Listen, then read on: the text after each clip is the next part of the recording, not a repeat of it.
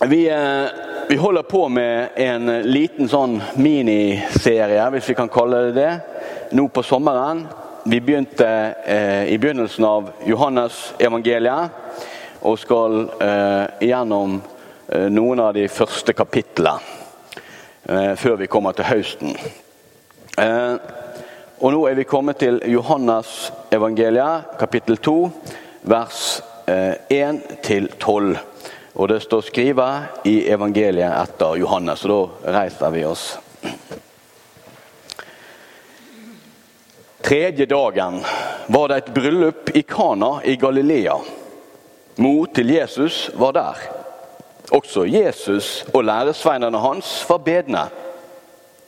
Da det var slutt på vinen, sa Jesu mor til han, De har ikke mer vin. Hva vil du meg, kvinne? svarer Jesus. Min time er ennå ikke kommet. Da sa mor hans til tjenerne, det han sier dykk, skal det gjøre. Nå sto det seks vasskar av stein der, slike som blir nytta i reinsingsskikkene til jødene. Hvert av dem tok to eller tre anker. Fyll kara med vann, sa Jesus. Og tjenerne fylte dem til randa. Så sa han til dem, Aus nå opp og bær det til kjøkkenmeisteren. Det gjorde de. Kjøkkenmeisteren smaka på vannet som hadde blitt til vin. Han visste ikke hvor vinen kom fra, men tjenerne som auste opp vannet, visste det. Da ropa han til brudgommen og sa:" Alle andre setter først fram den gode vinen, og når gjestene er drukne, kommer de med den som er dårligere. Du har gjemt den gode vinen til nå. Dette var det første tegnet Jesus gjorde. Det var i Kana i Galilea. Han åpenbærer sin herligdom, og læresveinen hans trodde på han. Siden drog han ned til Kapernaum sammen med mor si, brødrene sine og læresveinene sine. Og der ble de værende noen dager. Slik lyder det hellige evangeliet.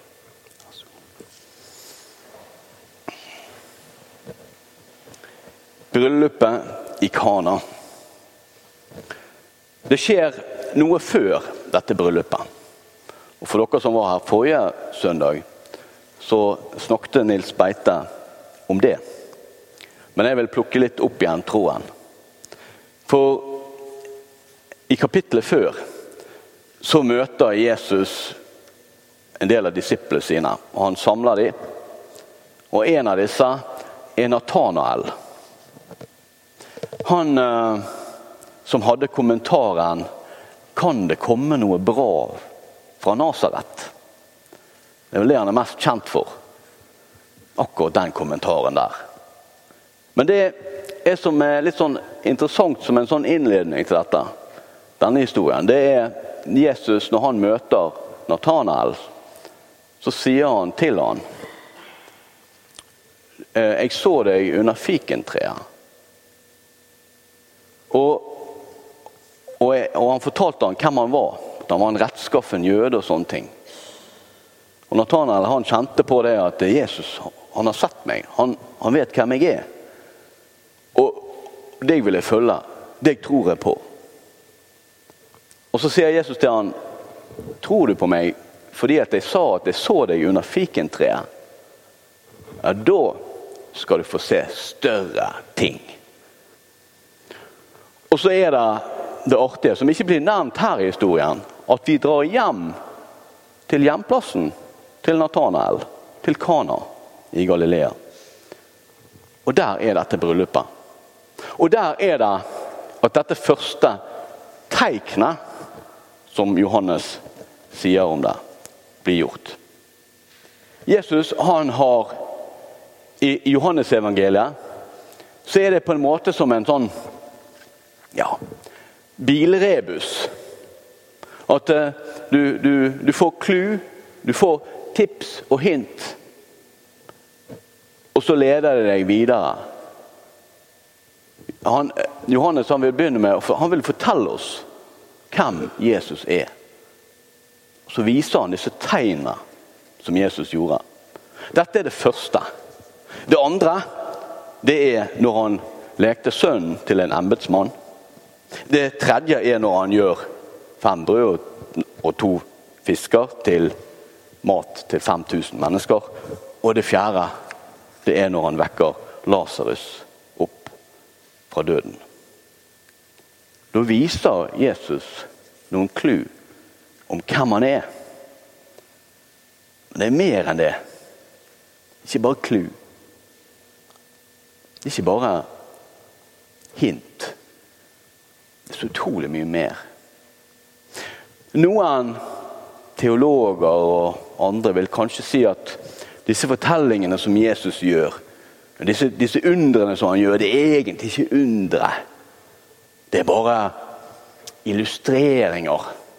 Eh, det viser til Det er symbolsk.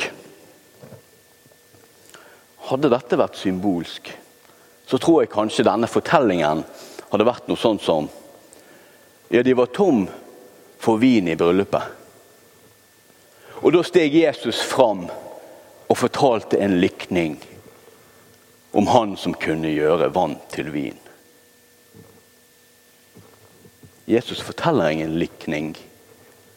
Han gjør vann til vin. Han gjør et under. Og dette underet, dette tegnet, viser hvem Jesus er. Hva han er i stand til. Han er Guds sønn. Naturlovene de gjelder ikke for han. Han er hevet over de. Han har laget de. Han kan òg endre de. Jesus gjør et tegn. Og det skjer noe her i denne fortellingen. Johannes han snakker ikke veldig mye om Maria, Jesu mor, og Jesus i lag. To anledninger i sitt evangelium har han disse to personene i lag. Og Første gang, det er her. Og Vi ser for oss Maria som snakker med Jesus. Du må ordne opp i dette. Og Jesus som snakker til henne. Hva er det som egentlig skjer? Jeg har en teori.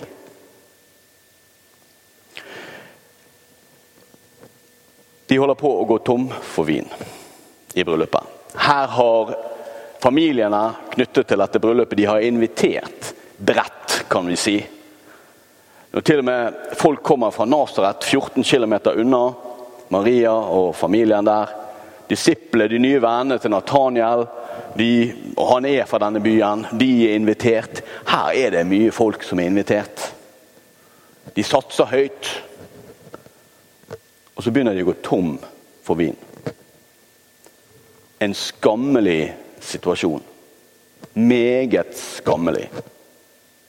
Den skammen som vil ligge over denne familien i årevis. Hver gang disse to menneskene viser seg offentlig. Foreldrene, alle, vil tenke på Å ja, det var de som hadde det bryllupet der de gikk tom for vin. Tragisk. De burde skamme seg.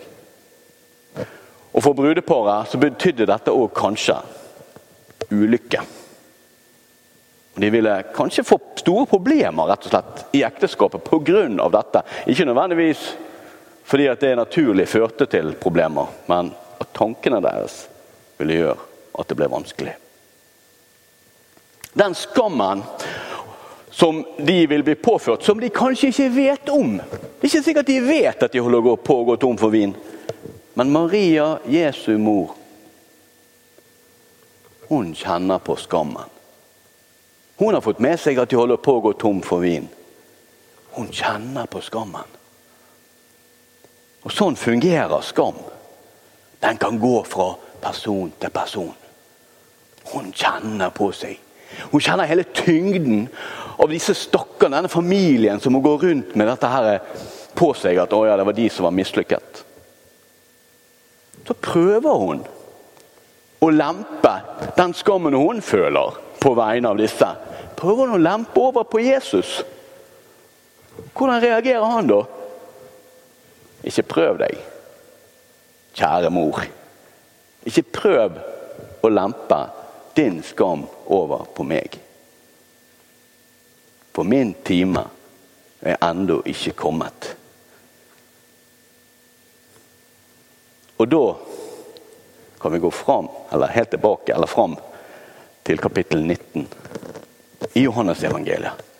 Der vi møter Jesus og hans mor igjen. Og hvor er vi da? Da er vi på korset. Ved skammens tre. Der Jesus sier alt er fullbrakt. Der, på skammens tre, tar Jesus på seg ikke bare hans mors skam, denne familiens skam. All vår skyld og vår skam tar han på seg der. Og alt er fullbrakt.